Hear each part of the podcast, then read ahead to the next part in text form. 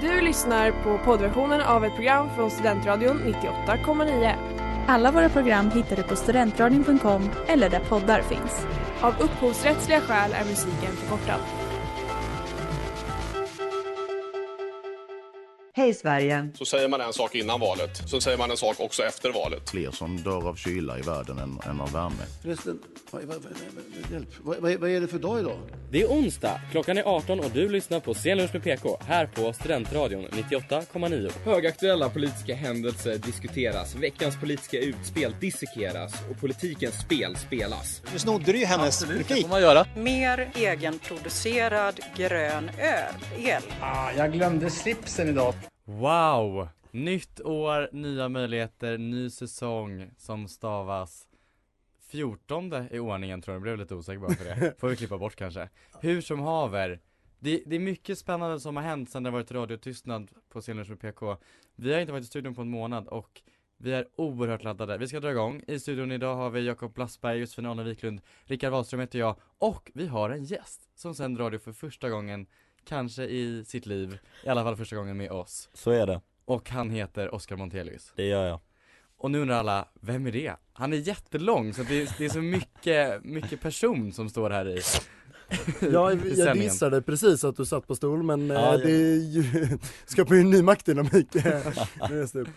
Oskar har ju tjatat om att få komma och sen han är en av våra mest trogna lyssnare och har ju eh, ämnen som han vill avhandla med oss och då sa vi, kör hårt. Låt oss. Låt oss. Men, vi har våra vanliga segment som vi ska driva av, veckans nyhet. Vad har vi där på listan? Jossan, vill du börja? Ja, men jag kan börja. Det är mycket som har hänt på Centern på senaste tiden. Det är mycket som har hänt överhuvudtaget på senaste tiden tycker jag. Eh, men eh, Centern har ju fått en partiledarkandidat, Muharrem Demirok. Nej men Jossan! Demirok. Muharrem Demirok, det där måste du sitta sen. Muharrem Demirok. Och eh, det ska vi snacka mer om under programmet men eh, jag tror inte vi kommer få med det här att han ska avsäga sig sitt turkiska medborgarskap. Och det är lite spännande nu med Sveriges relation med Turkiet och allting så att ja. Ja, det låter väl klokt. Eh, Oskar då? Ja, eh, men jag tänkte bara ta upp det här med sprängningarna i Stockholm de senaste dagarna. Att eh, en källa till Aftonbladet nu kopplar ihop dem och att det handlar om en, en man som är eh, ledande i narkotikahandeln i en annan svensk stad. Mm. Jakob? Ja, ja men eh, jag har lite om regeringen. Det är mycket som eh, de ska vara till lags, både Turkiet och den inhemska befolkningen. Och man ser nyheten om eh, hur de, den turkisk, eh, Erdogan-dockan som var demonstration häromveckan, eh, fick väldigt mycket kritik samtidigt som vill påpeka rätten till yttrandefrihet. Och det är en tunn, eh, tunn streck de måste vandra på. Mm. Det kommer vi nog få höra mer om. Jag tänkte riva av att vi har en, en ny riksdagsledamot som är den yngsta någonsin i Sveriges historia. Eh, sen enkammarriksdagens införande slänga in, jag vet inte riktigt men jag tror att det är Hur gammal är den då? Ja, han är 21 år gammal, 21 år gammal och han är den, därmed den första ledamoten någonsin som är född på 2000-talet. Man blir, man Namn får och lite parti? åldersnoja. Namn och parti? Eh, Daniel Lönn, Sverigedemokraterna från Borlänge. Borlänge. Oj oj oj. Det där var La Money med Lou and the Yakuza. Och Rickard ska ta täten eh, och prata vidare då om denna nya eh, centerkandidat. Ja precis, han är ju eh, föreslagen av valberedningen att ta över efter Annie Lööf eh, när hon nu lämnar. Och eh, det är ju spännande, vi har ju pratat tidigare om Centerns resa mot att ta över eh, stafettpinnen eh, bland de här kandidaterna och det var många kandidater som blev tre som nu blev en på valberedningens förslag. Jag tror att vi var många som hajade till lite när man föreslog en kandidat som inte bara en gång utan två gånger är dömd för misshandel genom närmare bestämt skallning som är ett, eh, ett, ett handgrepp som inte ligger mig så nära till hans men uppenbarligen för Muharrem Demirok i hans eh, unga år. Och jag, jag tycker att det är fascinerande. Verkligen. Kommenterar valberedningen det någonting? Jag, jag ska inte påstå att jag lyssnade på den pressträffen men, Men, men har han eh, liksom straffa, alltså om han har suttit sin, har han blivit så här dömd till fängelse eller? Eh? Eh, han dömdes till eh, dagsböter respektive villkorlig dom. Det intressanta tänker jag är väl snarare eh, vad säger det om en person att två gånger dömas Mm. för ett sådant brott? Och kan vi tänka att det har hänt fler gånger eller är det eh, one hit wonder gånger två då? Jag tänker också, vad säger de om en person och skalla? Mm. Av nu alla Och inte välja knytnäven. Ja men vad man nu kan ta till, att, att skallning är det man går för Talar väl också ganska mycket för en person kanske? Ja, och det, det är intressant också tänker jag när han har försvarat, eh, inte sitt agerande egentligen, utan mer att man kan göra misstag, jag har lärt mig av det. Mm. Då tänker jag att dels här, ja, nu pratar vi ändå att han, han gick på gymnasiet första gången och andra gången pluggade han på universitetet.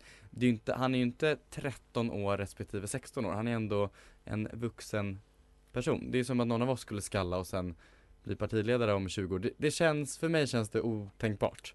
Ja, fast, alltså, jag vet inte. Hela vårt rättsväsen är ändå baserat på att du, du sitter ditt straff och sen så ska du kunna försonas. Och jag vet inte, vi, vi, har ju, vi har ju inte regler som säger att du inte får ta, alltså så här, du får bli statsminister oavsett brott du har begått. Och jag tänker att det blir väl konstigt också om vi, jag vet inte. Så är det ju visserligen men, men politiken är ju en förtroendebransch och om det var så som du sa Jakob så skulle ju många av de här politiska inom citationstecken skandalerna inte vara skandaler.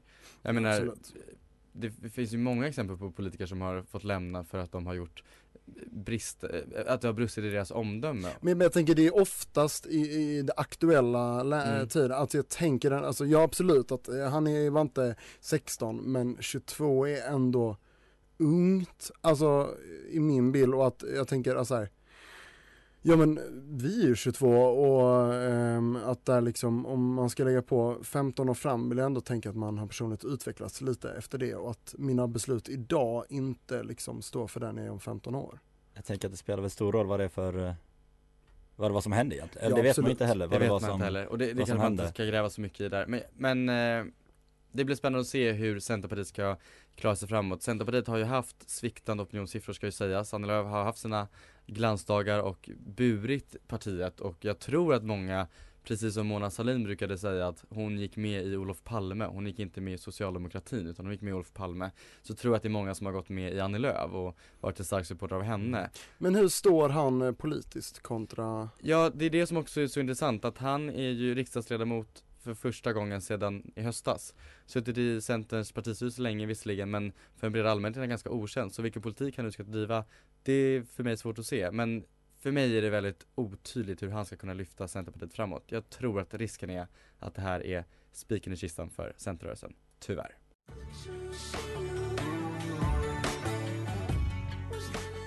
Här var Park Talk med Bave. Ja, och idag, äh, vi fortsätter på Centerspåret. Mm. Idag så var ju Annie Lööf i riksdagen och fick sina avskedsgåvor av eh, de andra partiledarna och det hölls tal och hon sa bland annat att hon kommer sakna eh, debatterna med Jimmie Åkesson och så. Det var väldigt feelgood tycker jag. Mm. Mm, så vi har ett litet quiz på det Ja, vad kul. ämnet, visst? Jag Eh. tycker att, får jag bara slänga in, jag tycker de här avtackningarna, det är så gemytligt, det är så trevligt. Ja. Och vilka presenter de ger till varandra, de har tänkt till, eller någon medarbetare har tänkt till och så, så får de fronter. Jag tycker det är mysigt. De lär ju känna varandra rätt bra va? Ja, de, måste, ju- de blir Ja. ju på något sätt kollegor ändå. Eller man känner, känner varandra bakvägen liksom Mm. Alltså Mm. korven till Stefan är ju ändå ett stö, ändå liksom bra. Förlåt. Ja, nej men alltså lite på ämnet så är det ju nu eh, min första fråga. Vad fick Annie i present av Magdalena Andersson idag? Och då så, vill ni ha alternativ eller kan ni? Jag kan faktiskt det här. Jag Jag är inte det här helt blank. Okej, ja men eh, vill ni gissa då? Eh, det var antingen korvgrillning, en weekend med långskidåkning eller en liten Lisa Larsson pers- vad heter det, sån här figur, Oj. en Ehm, katt.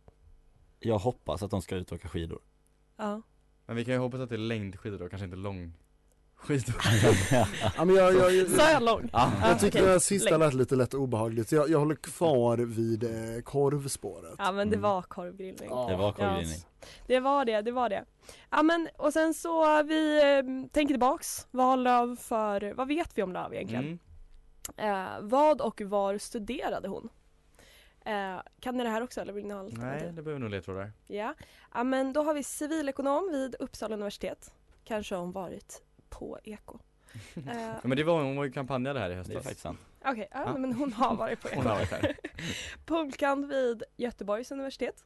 eller jurist i Lund?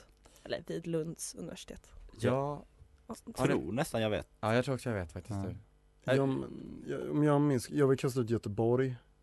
Du säger att det är fel. Jag säger jurist i Lund. Jag säger också att hon är jurist. Hon blev färdig jurist när hon var partiledare. Jajamän. Alltså. Jurist i Lund. Det tog åtta år för henne att bli klar. Så uh, Hon hade lite vissa blir ju inte klara så det är ju lugnt. Det går ju att hoppa av också efter Det går ju att tre hoppa av. Ja men precis. Eh, och sen så har vi lite så här, stämmer det här in eller stämmer det inte in? Ja. Mm. Vad stämmer in på Annie Lööf? Hon är glutenintolerant. Nej det tror jag inte. Jag tycker hon har lite glutenaura. Hon har gluten men jag tror inte det. Ni tror inte det? Nej, men hon är laktosintolerant. Hon är, Ja. Ja. Inte, inte bara känslig utan hon är intolerant. Eh, hon har sjungit i gospelkör. Eh, Det känns som att det är få gospelkörer i Marama utanför Ja, Värnamo. men det är ju det kristna Småland. Jag säger definitivt ja. Men är det så mycket gospel? Jag säger nej alltså. Ja, nej men hon har faktiskt gjort det och kören heter. Livslust. Ja. Ja. Preach. Gospelkör Livslust. Mm. Eh, hon har tävlat i luftgevärsskytte. Okej. Vad kul om det stämmer. Det känns lite off character. Mm. Ja men jag, återigen de småländska skogarna alltså. Där händer det, allt. Det, det händer allt. Ja men jag säger ja. skjut. Jag säger nog också ja. Det är väl lite center, center-vibe kanske. Center-vibe. Ja, nej, men viben var rätt. Hon har tävlat i både liggandes och ståendes.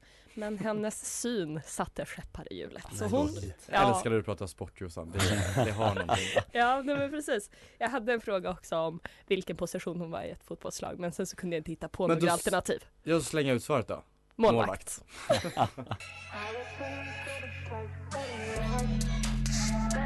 Och det där var Walk Through Water med Overmono och Sankt Panther.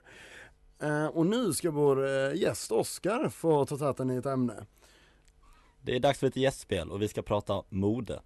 Eh, Det är den här bilden på Ulf Kristersson och Ebba Busch när de står bredvid Ursula von der Leyen och har Mm. på sig jättevarma jackor. Mm.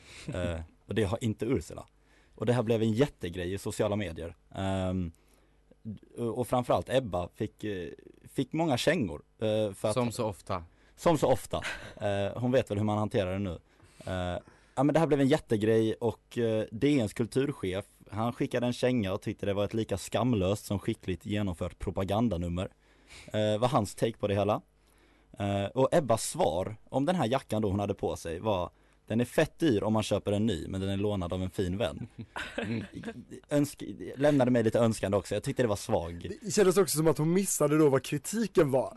Ehm, Lite så, lite så. ehm, Och att hon ville få in att den var fett dyr. Den var fett dyr. ja. Eh, jag tycker det är jättelöjligt att det här blev en sån grej. Eh, man får väl klä sig som man vill.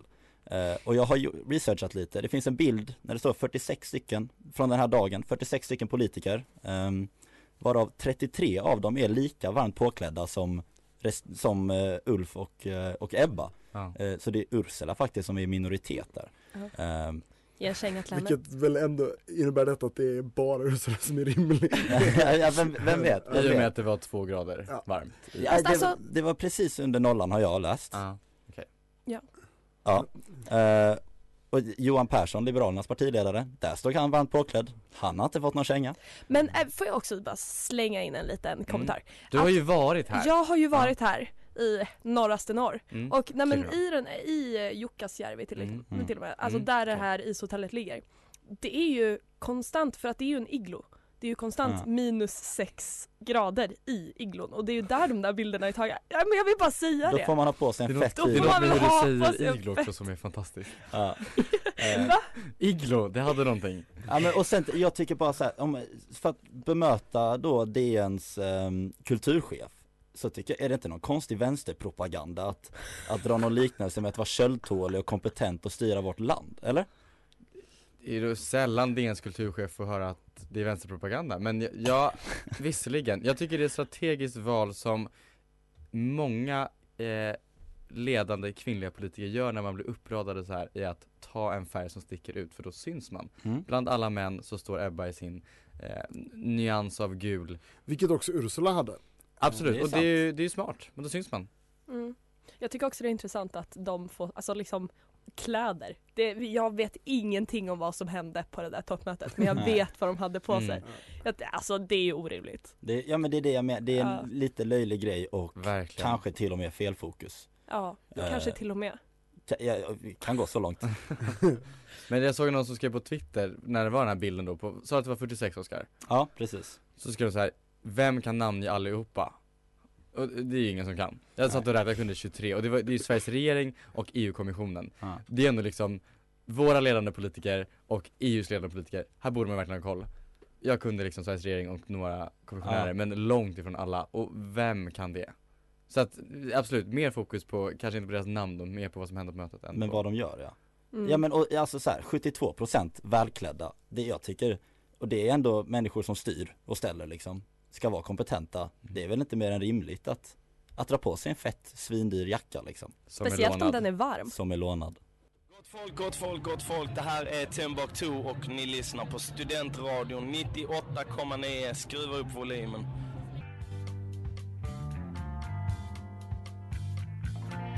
Och det där var Sixpack med Shame. Med på eh, toppmötet och uppradad på bild var ju även hans majestät konungen som stod i eh, filthatt och kostymbyxor och det fick inte mindre än Jakobs royalistiska ådra att pirra till. För du vill prata monarki idag? Ja men precis, för att Tagen på sängen av min. Ja men, men precis, för jag, det, det, är ju, det gungar ju i monarkivärlden till min realistiska ådras glädje. Eh, nej men det är, eh, kungen uttalar sig, eh, gör en liten Freudian slip över jul om eh, att det kanske egentligen hade varit rätt bra om Carl Philip hade fått bli kung. Vilket mottogs sådär när allas favorit i kungafamiljen är Victoria. Eh, och det kan jag ändå säga med confidence faktiskt. Du har ett otroligt självförtroende just nu Jo, när du jo, pratar men om det här. Men jag måste ändå få rätta i att han, jag vill ändå påstå att det han sa var snarare inte, handlade inte i första hand Nej om nej nej nej. Carl Philip utan, inte om att Carl Philip skulle, vem skulle göra ett bättre jobb utan att den som fick det blev fråntagen, att det var det som han Jo precis, nej, nej det var problematiserade på ett absolut. Men det gjorde inte att det inte blev en stor debatt. Verkligen och eh, det är ju inte bara Sverige utan även Storbritannien har haft mycket eh, monarkidebatter på senaste. Där eh, speciellt eh, före det, säger man, blir det före detta prins Harry? Han är väl fortfarande Duke? Eller är han fortfarande prins? Mm, ja det här är ju pinsamt. Nu tittar alla på mig och jag är eh, osäker.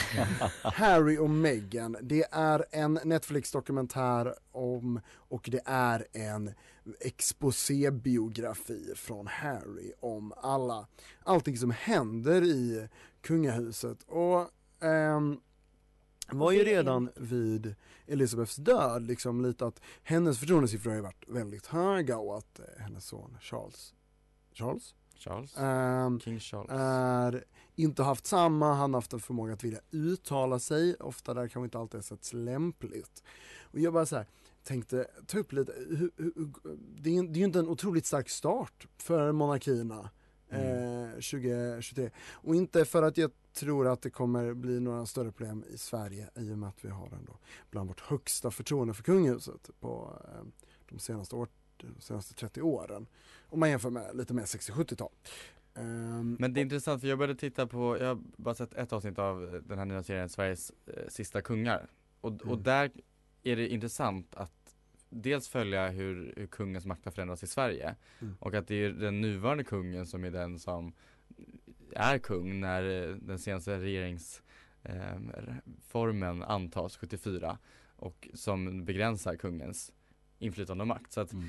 Så det, det är ju ett, ett kungahus i föränderlig tid även i Sverige och jag tror ju att om det svenska kungahuset ska överleva över tid så bygger det på att det brittiska kungahuset finns kvar. För så fort det brittiska kungahuset faller då tror jag det är, är kört Mm. även för de nordiska. Nej, Det är en viktig del av vår identitet eh, som Sverige skulle jag ändå vilja påstå men jag tror att det blir svårt att hålla ihop det om det inte gås i bräschen Ja. av Och det jag tror inte den brittiska är så illa ute om man ser Charles ålder kombinerat med Willi- Williams ändå väldigt höga förtroende. Och liksom Mm. det känns, och det är trots allt britterna och monarki.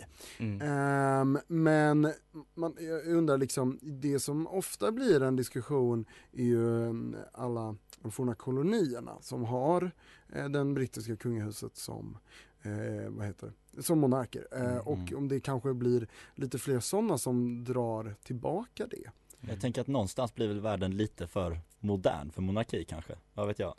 Om Eh, inte monarkin ligger i tiden, för Ja. Sverige i tiden så att säga Jo, Och det kanske är just det här moderna som handlar om att man ska skriva en självbiografi där man outar precis alla sina detaljer about sexual intercourses och så vidare det är mer Eh, Paradise Hotel än monarki alltså Och kanske är det en överlevnadsstrategi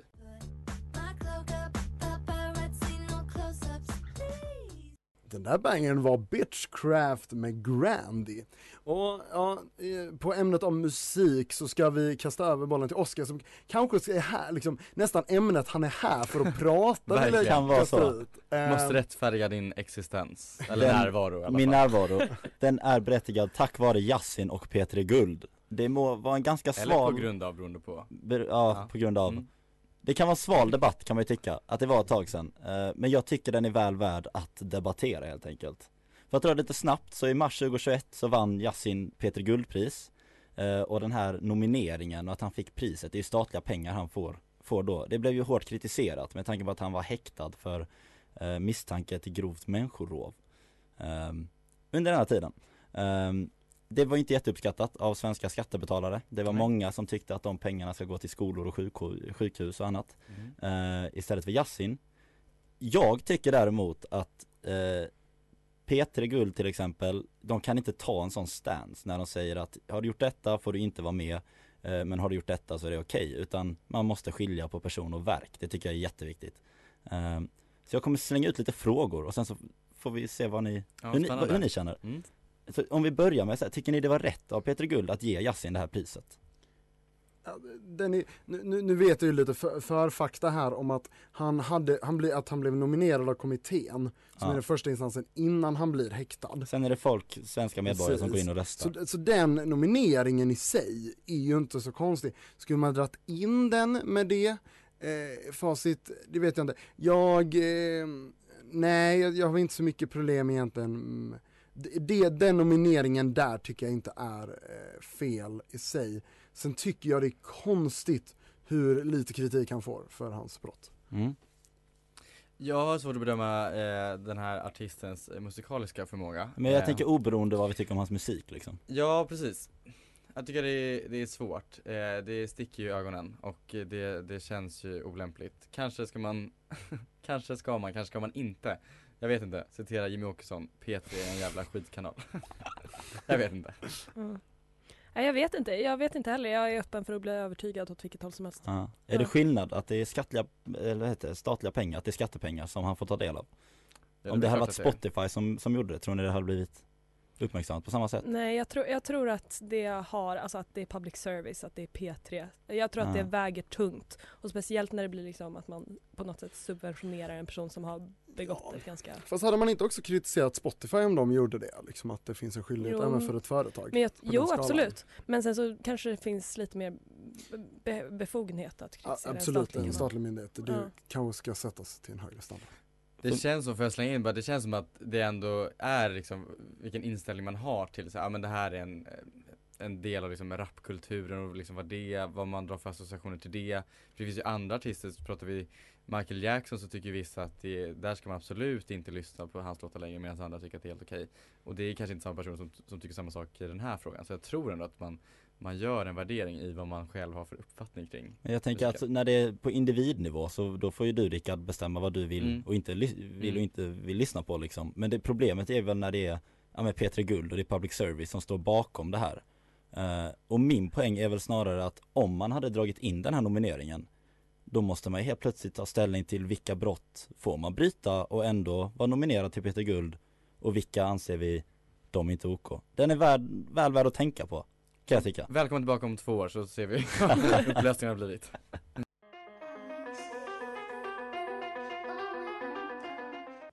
Och det där var Vänner och fiender med Arif Murakami. Jag höll på att säga att det är mycket högt och lågt idag, det är det egentligen inte, eller det kan man ju tycka i och för sig, men det är framförallt ganska spretigt avsnitt och det är väldigt roligt tycker jag. Vi avhandlar mycket. Vi går från, ja, ni har ju lyssnat så ni vet var vi gick från, men vi går till det svenska EU-ordförandeskapet som tog vid här vid eh, årsskiftet. Och eh, ett grönare, säkrare, friare Europa är Sveriges prioriteringar, säger Ulf Kristersson, statsminister. Eh, man har listat fyra punkter. Det är säkerheten, där man vill att det ska vara enighet som ska råda. Det är resiliensen och konkurrenskraften. Det är välståndet med den gröna, omställning, gröna omställningen och energiomställningen. Och det är demokratiska värden och rättsstatsprincipen, vår grundval. Det listas som de fyra prioriteringarna för det svenska ordförandeskapet på regerings, eh, regeringskansliets hemsida. Tankar? Jag, det låter ju som mags, alltså jag är ledsen men när tre av fyra regeringspartier, då inräknat dem med SD i det här samarbetet, har en, poli, en politik, miljöpolitik som enligt alla forskare är kontraproduktiv, så blir det lite magstarkt. Men eh, det har jag också en fråga om. Alltså är det här schemat eller vad man ska kalla det, är det partibundet eller hade den rödgröna regeringen haft samma? Ja vi, vi skulle ju, eller menar du in, innehållet i prioriteringarna? Ja. Ja det var jag nog inte riktigt svara på. Eh, men det svenska EU-ordförandeskapet har varit plan- planerat över lång tid. Ja. Jag jag har svårt att se att det skulle vara några andra prioriteringar än de här. För att det är klart att energikrisen och eh, kriget i vår, vårt närområde är det som Mm. påverkar. Därtill kanske också inflationen eh, är en fråga som man vill bolla upp. Men vi pratade lite om det innan. Jag tycker det är speciellt att det bara är ett halvår de ska vara ordförande. För det känns ju känns väldigt kort tid för att få någonting gjort. Eller? Jag också få någonting gjort är ju också svårt i och med att det är ju egentligen bara att man håller ordförandeklubban och man ska liksom leda arbetet men det är ju samma länder och det är ju samma Det känns väl nästan som att det är mer symboliskt på något sätt eller? För det är väl inte, man innehar väl inte så mycket makt i att sitta med ordförandeklubban liksom. Det är väl att man kan lyfta frågor på agendan, man kan visa upp sitt Kiruna, man kan visa upp sina gruvfyndigheter som kanske jo. bidrar till eh, omställningen, vad vet jag. Jag tycker att det ska bli spännande att se i alla fall, men vi ska väl ha med oss att det land som var under hösten kanske inte satte några jättestarka avtryck, är det någon som vet vilket land som var? Det är en superbra Men fråga. är, är, är Var det, Eh, jag var det Frankrike?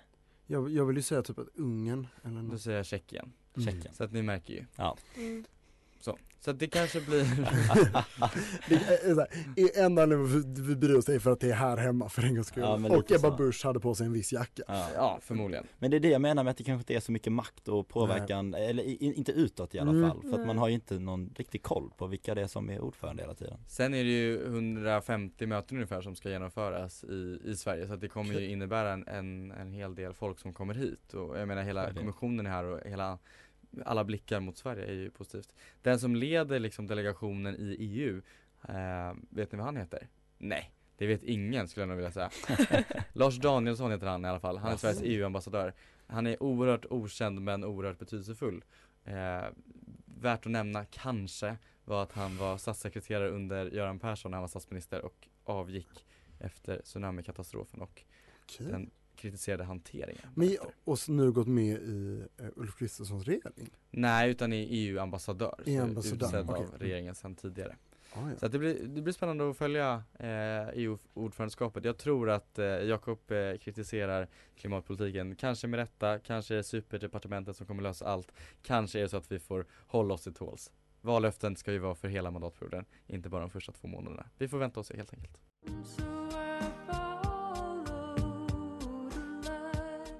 Och det där var Twin Flame med Weeze Blood.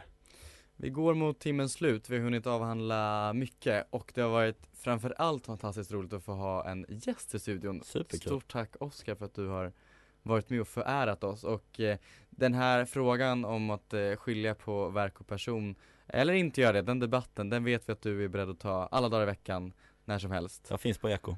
Ja, 12 Sök till upp. 1. Eh, Men vi är på eh, veckans sista segment. Oskar, vill du börja? Jag kan börja, det är killgissningar. Det är det. Det är det. Och det här är mitt favoritsegment. Du kör Eh, årets första killgissning. Jag kör årets första killgissning. Ja. Och det är ju Murre då, eh, som är ett vedertaget smeknamn. Vill jag Ska sägas. påpeka. Att, att Murre, jag tror Murre kommer dra åt sig SD-väljare. Att det, att det finns de SD-väljare där ute som gillar att se en man som, ja men han slåss för sin sak. Det är en riktig ledare Han liksom. skallas för sin sak. Han skallas för sin sak. Mm.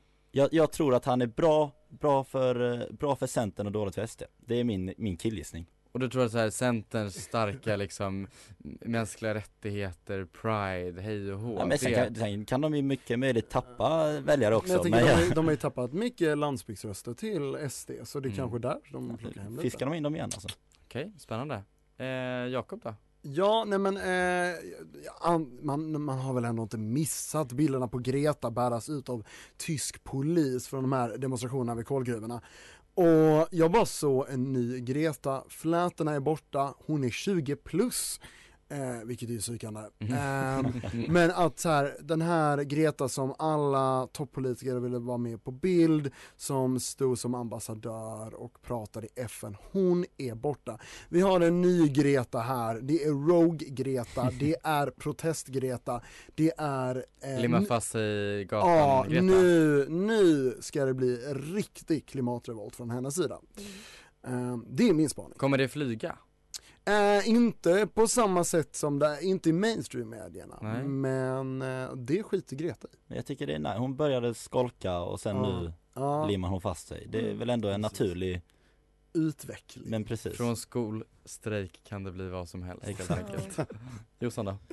Ja, Jag har inte så mycket att basera det här på. Det är mest för att Vi är på det segmentet så det är Ja. helt okej. Nej men jag tror att eh, Sverige är med i NATO innan sommaren. Mm. Optimistiskt. Vilket man får säga, eh, bara kasta in att det är innan Erdogan har val, vilket är en stor faktor. In, inte för att eh, dissa. Nej, Samma Erdogan som enligt utrikesministern har skenavrättats Ska sägas, vilket han ju absolut inte har gjort Men, men eh, det, det släpper vi därhen Jag vill ju påstå att Centerns nästa partiledare Det vill säga näst, nästa då innan Murray val, den som tar över efter Murray i alla fall Han heter ingen min, inte mindre än Emil Källström som tar Centern tillbaka till borgerligheten Och eh, jag tror att Murray är ute innan året är slut Vilken jävla ton.